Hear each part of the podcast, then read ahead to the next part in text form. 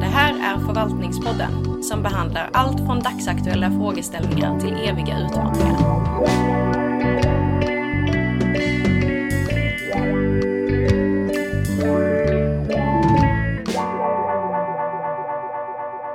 Då hälsar vi välkomna till ett nytt avsnitt. Och med idag är då Angelica Börjesson och Ylva Norén Bretsen. Mm. Och vi ska prata då om eh, sjukförsäkringen och Försäkringskassan och förtroendet för den. Och, eh, Angelica, du kan få börja tänkte jag och berätta lite om din avhandling som handlar, ska jag säga, jag har den nedskrivet här. Den heter Revolutionära idéer, förändring i svensk sjukförsäkringspolitik 1995 till 2015. Mm. Fått det rätt? Mm. Stämmer bra. Hur sammanfattar man den? Mm. Eh, till att börja med kan jag säga att jag inte specifikt kollar på Försäkringskassan utan jag har ju tittat på sjukförsäkringspolitikens eh, ja, diskursiva och eh, institutionella förändring under en 20-årsperiod från början på 90-talet fram till idag.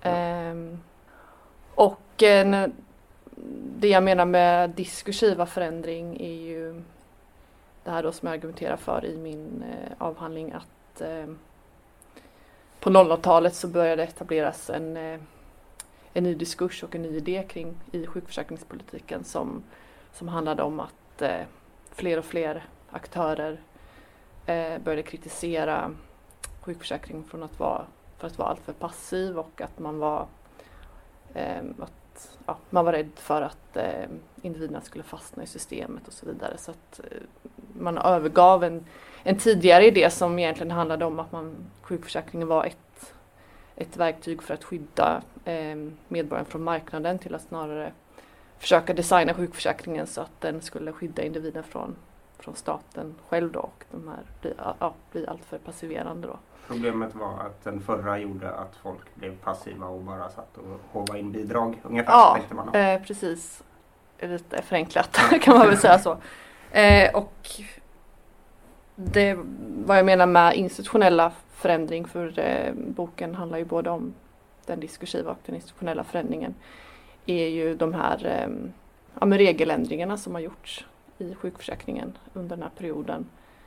Eh, som säkert många känner igen från mediedebatten. Eh, den här rehabiliteringskedjan och ettårsgränsen som infördes eh, av den borgerliga alliansregeringen. Ehm, Stora mängder människor blev utförsäkrade eh, och där jag då argumenterar för att, eh, att själva inkomstbortfallsprincipen har, har successivt försvagats i, i sjukförsäkringen. Även om ersättningsnivåerna fortfarande är då relativt bibehållna.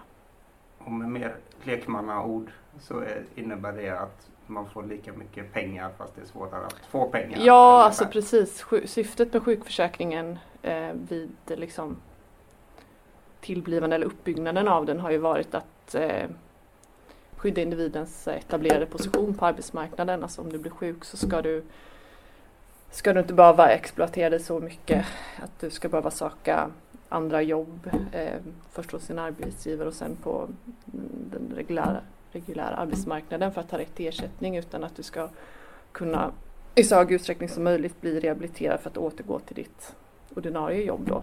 Eh, och det är en viktig del av inkomstbortfallsprincipen. Så att det här som många kritiserar sjukförsäkringen eh, för idag, att det har blivit att, eller som man säger att det, sjukförsäkringen är ingen yrkesförsäkring, har ju varit ett eh, liksom, senaste eh, året återkommande formulering. Men det beror på hur man ser det för att till viss del så har ju syftet varit att skydda individens etablerade position på arbetsmarknaden.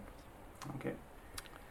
Eh, och det här är då alltså från 1995 sa du som du har börjat, eller det som du har tittat på. Ja, precis. Eh, studien tar avstamp där i när Socialdemokraterna återträdde vid makten där i mitten på 90-talet.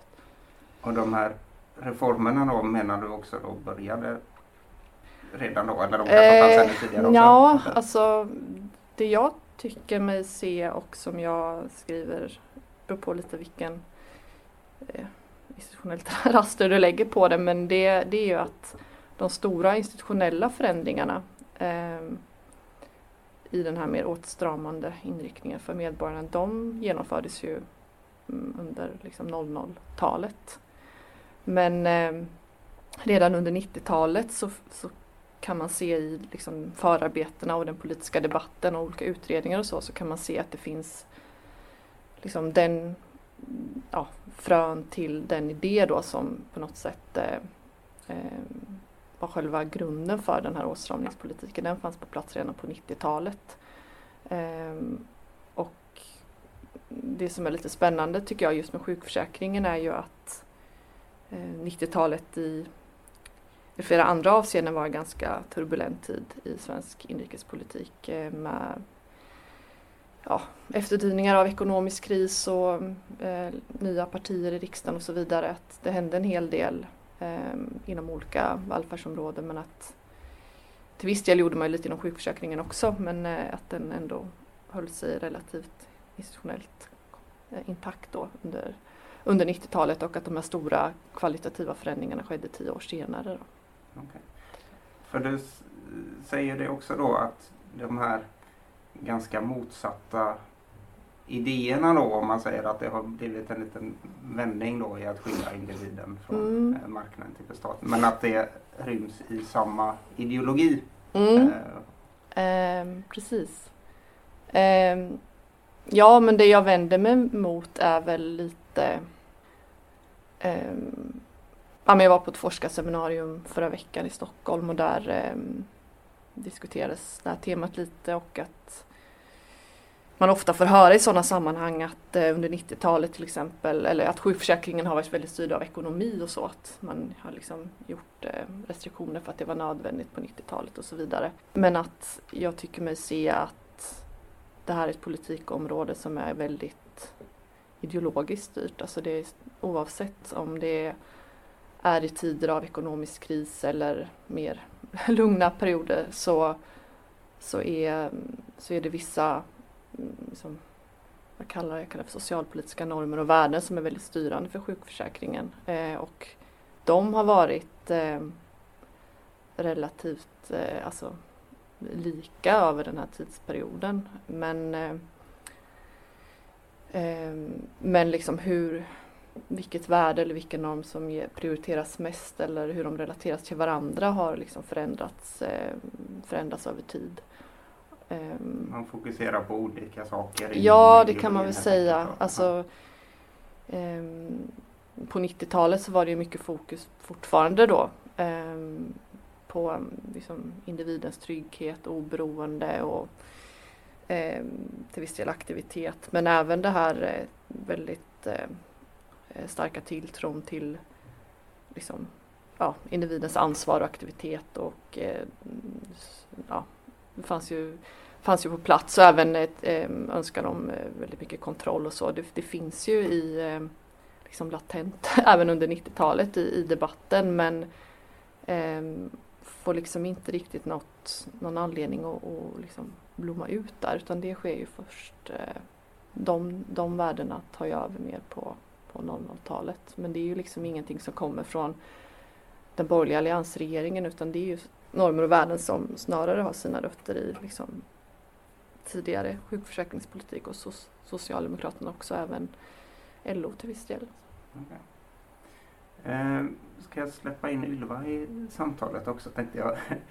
Du har ju kollat, eh, ja, undersökt Försäkringskassan en del eh, och mer specifikt förtroendet för Försäkringskassan. Eh, och det är ju Försäkringskassan som, vad ska man säga, för, förvaltar sjukförsäkringspolitiken. Stämmer den bilden som du har fått från det med det här? För det har ju varit lite upp och ner, mest ner va, med förtroendet de senaste decennierna. Ja, jag instämmer med den beskrivning som Angelica ger. Eh, jag tycker att det är väldigt viktigt att poängtera att eh, det fanns redan 98-99 väldigt tydlig eh, artikulation i debatten om att Människor sjukskriver sig för enkelt, ungdomar ringer till jobbet och säger att man sjukskriver sig och stannar borta några dagar och ligger hemma och sover eller sådär. Så att det förekom sådana bilder i den populära debatten. Och sen så diskussionen kring att det kostar för mycket och att eh, det behövs mer sysselsatta på arbetsmarknaden eh, pågick ju där också. Och det är ju flera olika drivkrafter som eh, verkade samtidigt.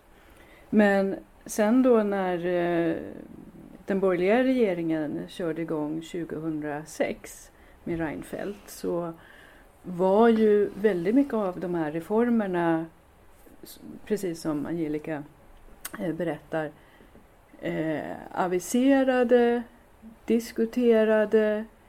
Eh, jag skulle nog säga att det fanns ett ganska brett stöd för dem mm. i samhället också så att de här reformerna rullade igenom riksdagen utan någon större debatt med omvärlden, med medborgarna, med de försäkrade. Eh, så att under första decenniet på 2000-talet så gjordes alla försäkringskassor regionalt om till en nationell myndighet. Eh, man införde rehabkedjan. I princip så den här gamla då eh, sjukförsäkringen, försäkring mot sjukdom, ersattes av att utifrån europeisk inspiration fungera som en omställningsförsäkring. Eh, så att om du var sjuk i tre eller sju år, det var under omförhandling. Eh, vad man verkligen funderade över, är du verkligen sjuk? Ska du vara under den här försäkringen eller ska du egentligen över till arbetslöshetsförsäkringen? Eh, vilka grupper som räknades in som sjuk, sjuka och som fick hamna under sjukförsäkringen omdefinierades. Även inkomstnivåerna, alltså för de som har höga inkomster och som blir sjuka, de får ju inte mer än 50, max 60 procent mot tidigare 80-90 procent. Så att det är ganska stora förändringar som genomfördes och som var kännbara för dem. Och plus då eh, den bortre gränsen i tid, eh, ettårsregeln. Så att eh, det var en ganska dramatisk instramning av den här försäkringen som beslutades och genomfördes. Men jag skulle nog hävda att höger och vänster var ganska överens om den här reformen. Och Försäkringskassan har ju själva i sina årsredovisningar benämnt den här som år, århundradets myndighetsreform. Och du sa det också det att just med folket i största allmänhet då att man, det verkade som att det var ingen som hade några egentliga invändningar från något håll på det här i början.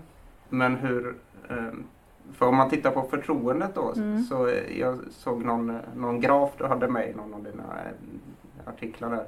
Och då var det någon gång kring 2002 tror jag som det plötsligt bara stort dök ner i, i källan förtroendet för Försäkringskassan.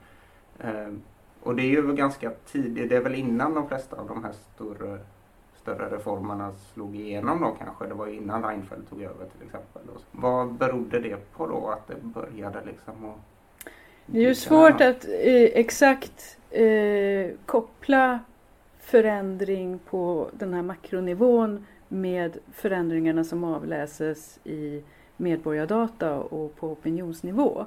Men vad man kan misstänka är ändå att eh, dels så hade ju en fuskdebatt kommit igång ganska tydligt där 2002 och 2003.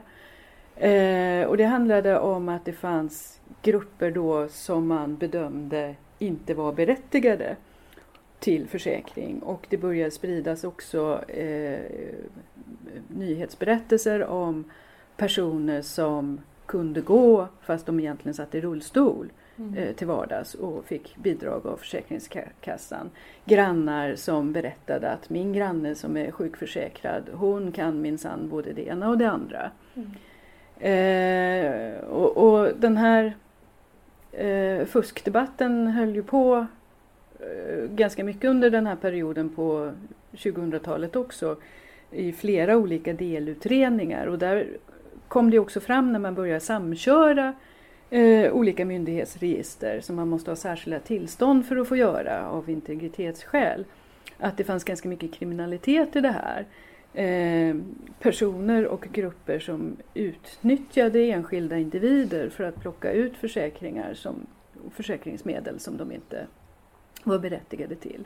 Och det är klart att det här påverkade ju självklart allmänhetens förtroende brett för myndigheten.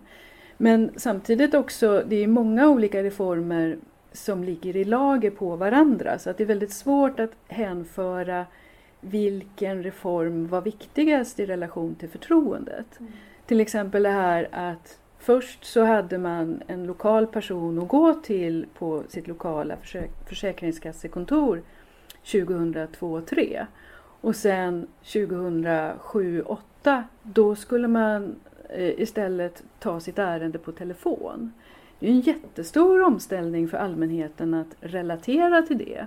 Och där det finns ganska många olika grupper som har ganska specifikt skilda behov. Agda, 64 år eller vårdnadshavare eh, som är vana att ha en regel, reguljär kontakt. Och där saker och, varje enskild process stöptes om så man gjorde allt samtidigt också, inte en sak i taget. Och plus att under de här åren, reformåren, jag skulle säga 2005 till 2009 primärt, eh, så tillsköts ju inga extra pengar för eh, reformen utan det skulle gå inom befintlig verksamhet. Vilket gjorde att väldigt mycket av ordinarie verksamhet blev eftersatt. Så att man fick ju oerhört mycket JO-anmälningar på sig och JO uttalas ju väldigt, väldigt kritiskt de här åren. Vi kan ju, eller man kan nämna det också att det finns ju väldigt tydliga resultat, eller man ska kalla det, eller vedertagen bild inom forskningen att ju mer generella eh, olika välfärdssystem är ju högre förtroende har, har ju medborgarna för, för systemen. Så när det uppstår en sån här, vad ska man säga, fuskdebatt där, där eh, ja, dels media men också andra organisationer och myndigheter signalerar ute som att eh, det här är någon form av liksom bidragsfusk och liknande med, med sjukförsäkringen så, så är det ju klart att, att förtroendet kan bli eh, liksom, naggat i kanten. Ja. Det finns ju en sån ja, Men hur, relation där. Eh, hur mycket, det här är väl egentligen en lite bredare fråga då, men, men hur mycket får man reda på om, om förtroendet för Försäkringskassan ser ut på ett visst sätt Eh, I vilken utsträckning kan man då veta om det är att folk är nöjda eller missnöjda med sjukförsäkringen och politiken eller hur myndigheten faktiskt följer de regler de har fått. Eh, jag tänker lite, Arbetsförmedlingen är också en sån här som brukar hamna i, i botten i förtroendemätningar.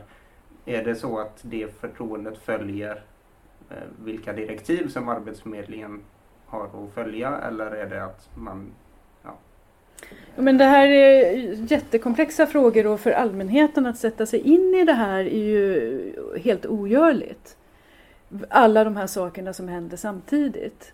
Och varför helt plötsligt är myndigheten annorlunda än vad man var van att möta för fem eller tio år sedan. Och framförallt att den enskilda har förväntat sig att blir jag sjuk så är jag försäkrad. Medan helt plötsligt så får jag svaret att jag ska gå och söka jobb. Eh, och vad hände där när inte den politiska debatten var särskilt omfattande i de avseendena? Och vilken jättereform eller kluster av reformer som man faktiskt genomförde. Men socialministern någonstans 2002-2003 aviserade ju att försäkringen kostade för mycket och att man skulle halvera det målet. Eller halvera antalet sjukdagar då per år. Eh, och det kan man ju säga att visst det är ju en eh, argumentation som man kan gå ut med i en eh, valdebatt och spela upp som ett kort. Och särskilt om man underblåser det med en fuskdebatt. Samtidigt så är det ju eh, ett ganska dramatiskt politiskt vågspel här. Ganska med, med stora insatser på spel faktiskt. För att eh, egentligen så ska ju myndigheten följa instruktionerna från riksdagen och lagstiftningen. Och när regleringsbreven helt plötsligt blir mycket mer styrande som sätts av regeringen.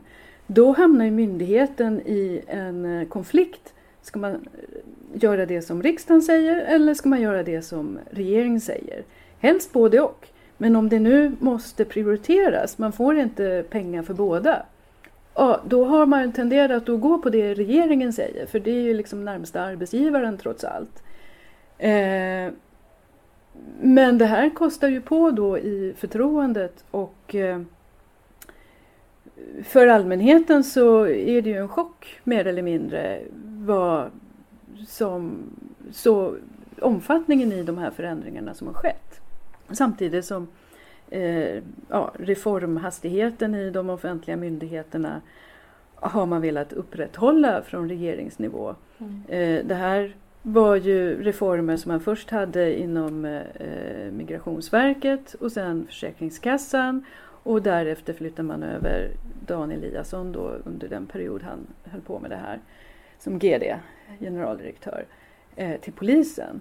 Och man hade väl velat genomföra delvis liknande reformer även på Polismyndigheten. Men som vi vet så är det ganska mycket som har stött på patrull där, även om det håller väl på att reda ut sig nu. Men, ganska... Men där var väl också samma att slå ihop det till en myndighet, det är väl en sån Exakt, stor, precis. Ja. Eh, men jag tänker lite på det med, nu eh, håller kvar vid förtroendet lite här nu då, att det har ju gått upp igen förtroendet för Försäkringskassan. Men det, om jag får komma in här, ja. att jag tycker att det, det kanske det har gjort. det jag skulle säga förut var att, eller som jag tänkte att det, det är också intressant att se vad som händer nu på, på sikt eh, med förtroendet just för att Ja men det som Ylva var inne på det här att eh, alltså hur, hur man liksom hur man styr sjukförsäkrings, sjukförsäkringen har ju också delvis eh, ändrats eh, sista tiden. Alltså att eh, från de här väldigt eh, ja, men tydliga liksom, institutionella förändringarna i, i mitten där på, på 00-talet så har det ju inte skett så stora lagändringar eh, sista tiden eller senaste åren med, med sjukförsäkringen. Men däremot så har ju tillämpningen av, av eh, försäkringen ändrats mm. väldigt mycket och då blir det ju mycket mer via då den här mer tydliga eh, liksom, politiska styrningen av, av, av, myndigheten och det blir ju på sätt och vis eh, det kan ju fatta, mindre transparent till exempel att medborgarna liksom förstår inte riktigt varför till exempel avslagen ökar eller varför liksom, ja, samma regler tillämpas på ett nytt sätt utan att det har liksom blivit en, en politisk debatt om och en, en lagändring och sånt kan ju också påverka förtroendet på sikt tänker jag.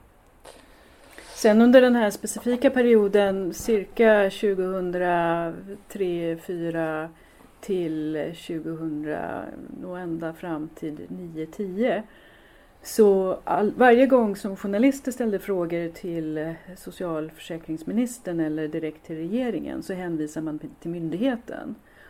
Och då fick ju i medierna myndigheten stå väldigt mycket till svars. Men de lydde ju bara det regelverk och de instruktioner de hade fått i knät. Så att egentligen så borde journalisterna ha ställt den politiska nivån till svars, inte utföraren. Det är som att, att skjuta på budbäraren, men mm. de gör ju bara sitt jobb. Jag tänker att det verkar som att det handlar en hel del också om vad folk har för, alltså vanliga medborgare har för förväntningar på eh, ja, välfärden eller i det här fallet sjukförsäkringen. Då. Eh, för det är det jag tänkte om det skulle kunna vara en, en förklaring till varför eh, om förtroendet går upp igen då att det liksom bara studsar på botten att folk börjar vänja sig vid att men nu är det så här det ser ut. Nej men opinionen är ju inte sådär jättelångsiktig. Man bedömer ju inte sitt förtroende idag för vad som hände för 10 eller 20 år sedan. Utan de senaste två, tre årens historik någonting. Men Försäkringskassan noterade ju ändå eh, de här uttalandena från eh, justitieombudsmannen och eh, hur ifrågasatta de också var i, i medierna omkring 9-10. Och med byte av generaldirektör och sådär så börjar man sen någonstans 2012 till 2016 tror jag det var att specifikt uttalat styra på förtroende. Och då helt plötsligt så när det stod också i regleringsbrevet att Försäkringskassan måste öka sitt förtroende. Då måste man ju ändra sin handläggning på det sättet. Och istället då för att följa förvaltningslagen och eh, sjukförsäkringarna och, och, och berättigande och, och de reglerna så ska man dessutom också tänka in hur påverkar min handläggning förtroendet? Och sen fick man ytterligare en ny generaldirektör. Då skulle man styra på rättssäkerhet. Alltså, jag har svårt att se att de där två är motsats till varandra. Alltså, man vill väl ha både och. Men att styra på förtroende så att säga, det kan jag väl styra på rättssäkerhet, det ska man väl alltid göra. Men styra på förtroende, det kan jag sätta ett frågetecken vid. Vad, är, ja, vad kan konsekvenserna bli av det då? Man, eh, att man eh, åsidosätter sitt myndighetsutförande. Man ska göra det riksdagen har bestämt. Punkt. Det är inte svårare än så. Det måste ju vara eh, så att man på något sätt gör någon form av återkommande undersökningar då och så ser man att ja, man har som målsättning att man ska öka förtroendet med x antal Ja, man hade ju alla möjliga sådana här managementfilosofier och lean och Eh, man fick inte prata om medborgare eller försäkrade längre utan man skulle prata om allting var kunder. Hela den här New Public Management diskussionen har ju också sköljt över Försäkringskassan i ganska stor utsträckning. Och nu har man väl äntligen strykit det där kunder eh, du som jobbar på ESF kanske vet, är det försäkrade som gäller idag eller? Mm, eh, försäkrad tror jag man brukar använda. Mm. Men, mm. Ja, så de här trenderna påverkar ju också alltså i språket och inramningen, framingen av är jag en försäkrad eller är jag en kund och kunden har alltid rätt men när det jag säger är det ingen som lyssnar på och jag kan inte följa min process, jag vet inte vem som fattar beslut i mina ärenden. Jag vet inte vilket lagstöd som ligger till grund för de här besluten och jag vet, vet inte hur jag definieras till rätt eller vilken kategori. Mm. Det är klart att det blir jättejobbigt för den enskilde medborgaren att sätta sig in i allt detta. Mm. Alltså, knappt vi som är forskare kan förstå den här komplexiteten. Hur ska den breda allmänheten förstå det? Mm.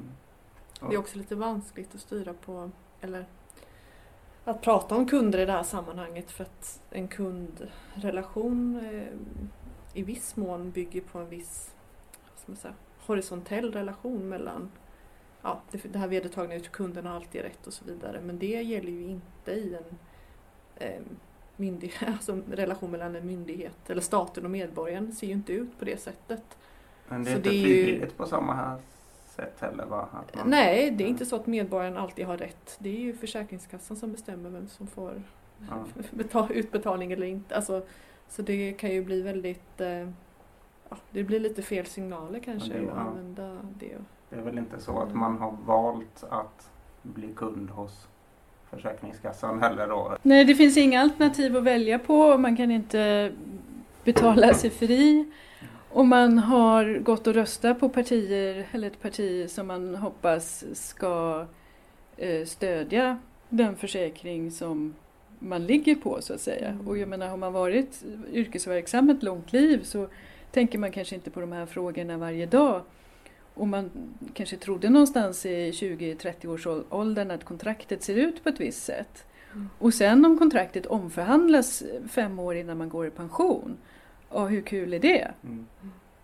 Hur ska man som, som privatperson kunna säga att man eh, vill hamna i den situationen själv att man eh, kommer behöva använda sig av sjukförsäkring och så går man till Försäkringskassan och så blir man jättebesviken för att allt fungerar på ett helt annat sätt än vad man trodde. Men idag finns ju ganska mycket tillgängligt via nu är ju inte alla medborgare liksom hemma med digitaliseringen men alltså det finns ju det här Mina sidor och alltså, mm. sånt där så att själva liksom den informationsbiten, det är klart att det är ett byråkratiskt system och krångliga regler men det, det är kanske inte det som är den största liksom, problemet. Inte det, inte det folk blir besvikna på att det är jag skulle tro att eh, mellan 80 och 90 procent av eh, försäkrings... eller eh, de svenska medborgare som är i kontakt med Försäkringskassan är också nöjda med sina kontakter. Men sen återstår ju några procent av olika skäl. Dels för att de hör till väldigt specifika kategorier. Dels för att deras litteracitet, alltså deras möjlighet att ta till sig den informationen både som ges om vad som gäller i försäkringen men också att kunna tolka och förstå innehållet i informationen. Vad betyder det här utifrån rättssäkerhet? Eller man kanske inte har det minsta begrepp om vad rättssäkerhet är. Eh, utan man bara tycker att det här är fel beslut och jag vet inte hur jag kan överklaga eller eh, hur, hur eh, jag kan använda den här myndigheten överhuvudtaget. Så att där finns ju en eh, väg att gå fortsatt för myndigheten att man måste kunna relatera till grupper som inte är födda i Sverige, som inte är födda med kontakter med myndigheter, som inte är vana med eh, ett eh, digitalt gränssnitt eh, och så vidare. Mm. Och att sammantaget kunna hantera den, den här komplexiteten. Och dessutom gruppen multisjuka då som har flera olika situationer aktiva samtidigt. Nu har man ju linat upp hela systemet väldigt tydligt på en typ av kund eller en typ av diagnos. Men tänk om folk har två eller tre diagnoser samtidigt. Mm. Då eh, har de också haft väldigt svårt att orientera sig i systemet. Mm. Det är samma som inom, inom vanliga sjukvården lite där va? Att patient är min, mindre lönsam om man har flera åkommor samtidigt. Bättre att gå två gånger om. Men på tal om det, eller ja, det är inte, handlar inte riktigt om det, men vi talade om myt, slå, slå mm. på myter tidigare. Eh, jag tycker framförallt den här eh,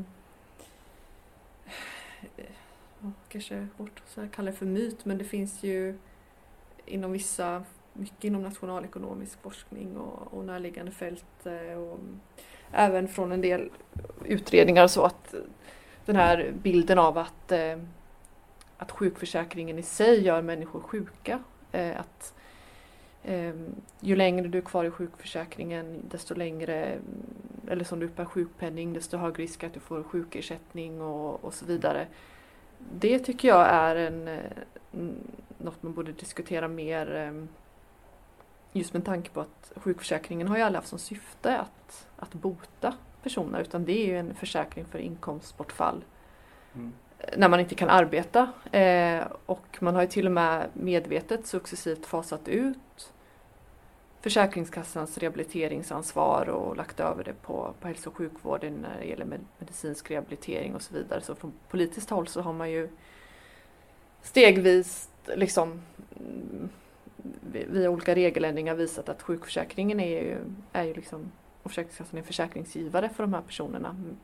Så att den här, men ändå håller det, det, det finns liksom, tycker jag mig se en, en ökad diskurs nu de senaste åren att, att sjukförsäkringen i sig liksom skulle göra människor sjuka och att människor som har haft sjukpenning eller varit i systemet länge, att de har får en ökad risk för andra typer av åkommor. Det är ju kanske inte så, så konstigt för det är ju sjuka människor som vistas i systemet så det blir ju liksom Men det är väl lite, det låter ju som lite liknande den här tanken som var eh, innan då att man ska vilja gå över till att skydda eh, individen från staten istället Ja precis, det är ju en eh, komponent en av det. På det ja den finns ju man, kvar. Den, ja. Även om, om vi har ett nytt ny regering igen nu sen de här allra liksom, mest eh, kvalitativa förändringarna så finns ju även finns ju de här idéerna kvar i, i framförallt styrningen av Försäkringskassan och i liksom, mm. kringliggande debatten och så. Men det finns inget empiriskt stöd för att,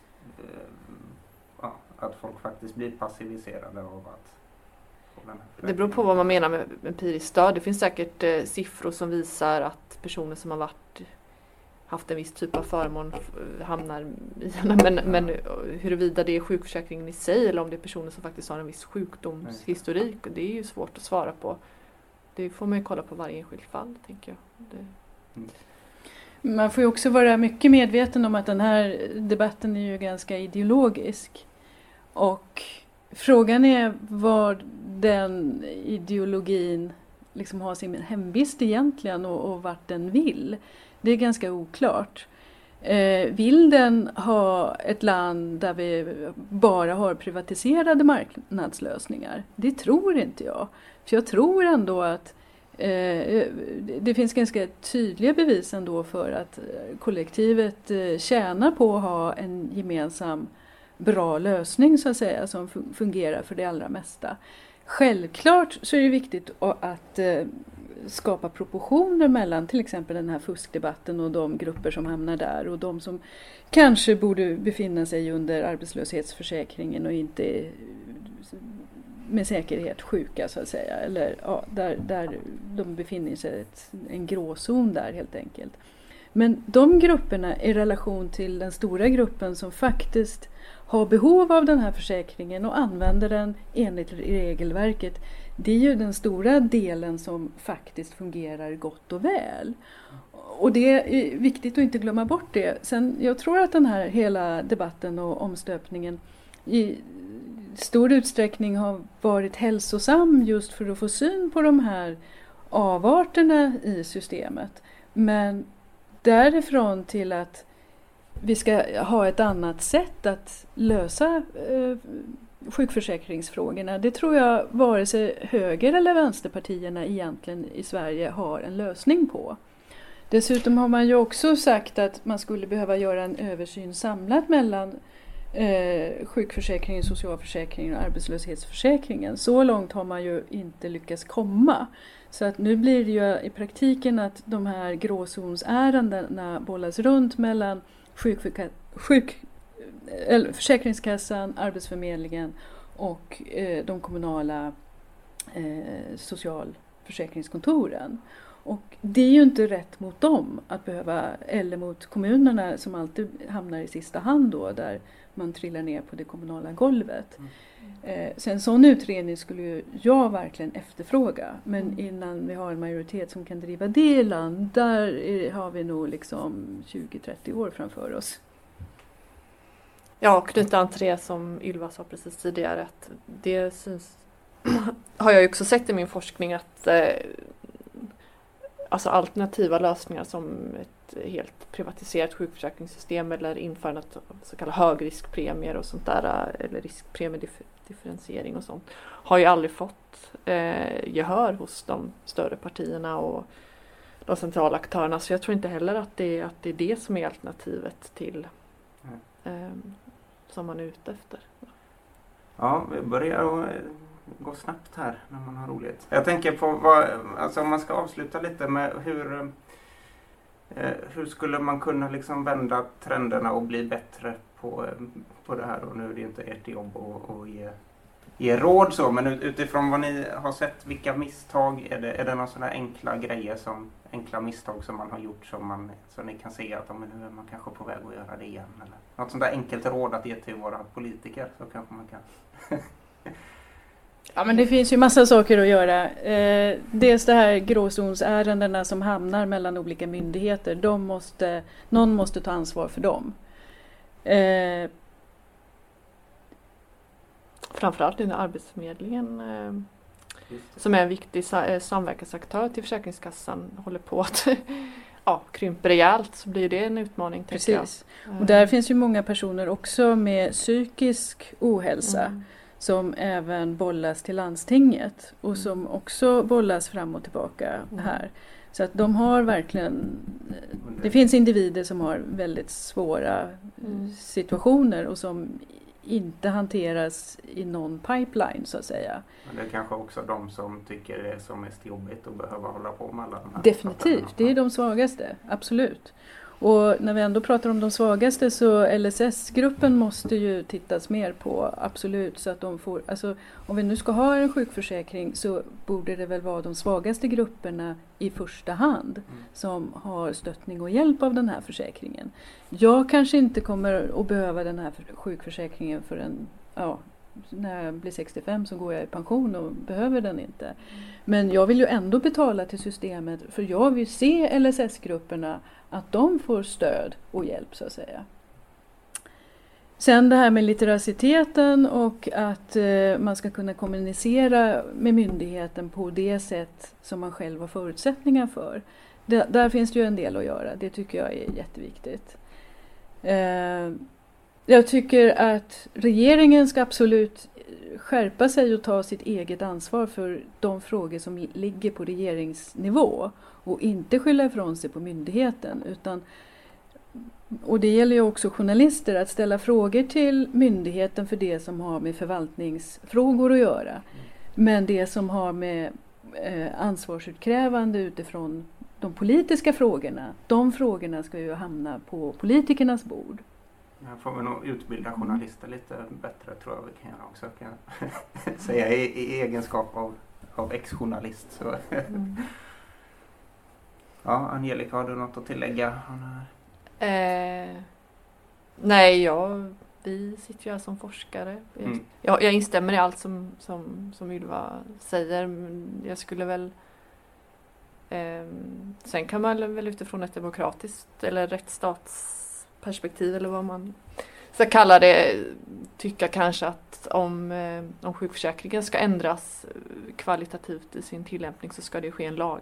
Det ska ju föregås av att man, riksdagen fattar beslut om att ändra i lagen. Det ska ju inte, det ska ju inte göras via regleringsbrev och instruktioner till, till myndigheten den typen av förändring. Det är ju allvarligt tycker jag ut liksom, mm. både förtroendeperspektiv och eh, demokratiskt perspektiv. Precis. Mm. Men det är svårt att kanske se åt vilket håll trenderna går just nu. Det... Eftersom vi har en ganska svag regeringssituation mm. så är väl inte några eh, stora förändringar i sikte just nu utan det här blir nog snarast en passersträcka fram till nästa valrörelse. Mm. Mm. Eh, men det lär ju alltid vara aktuellt. Eh, och det finns säkert jättemycket mer att säga om det här också fast vi hinner inte det nu. ta en del två framöver. Ja, precis det får vi göra. Men eh, ja, tack så mycket för ja, att ni var med. Tack, tack, tack. tack.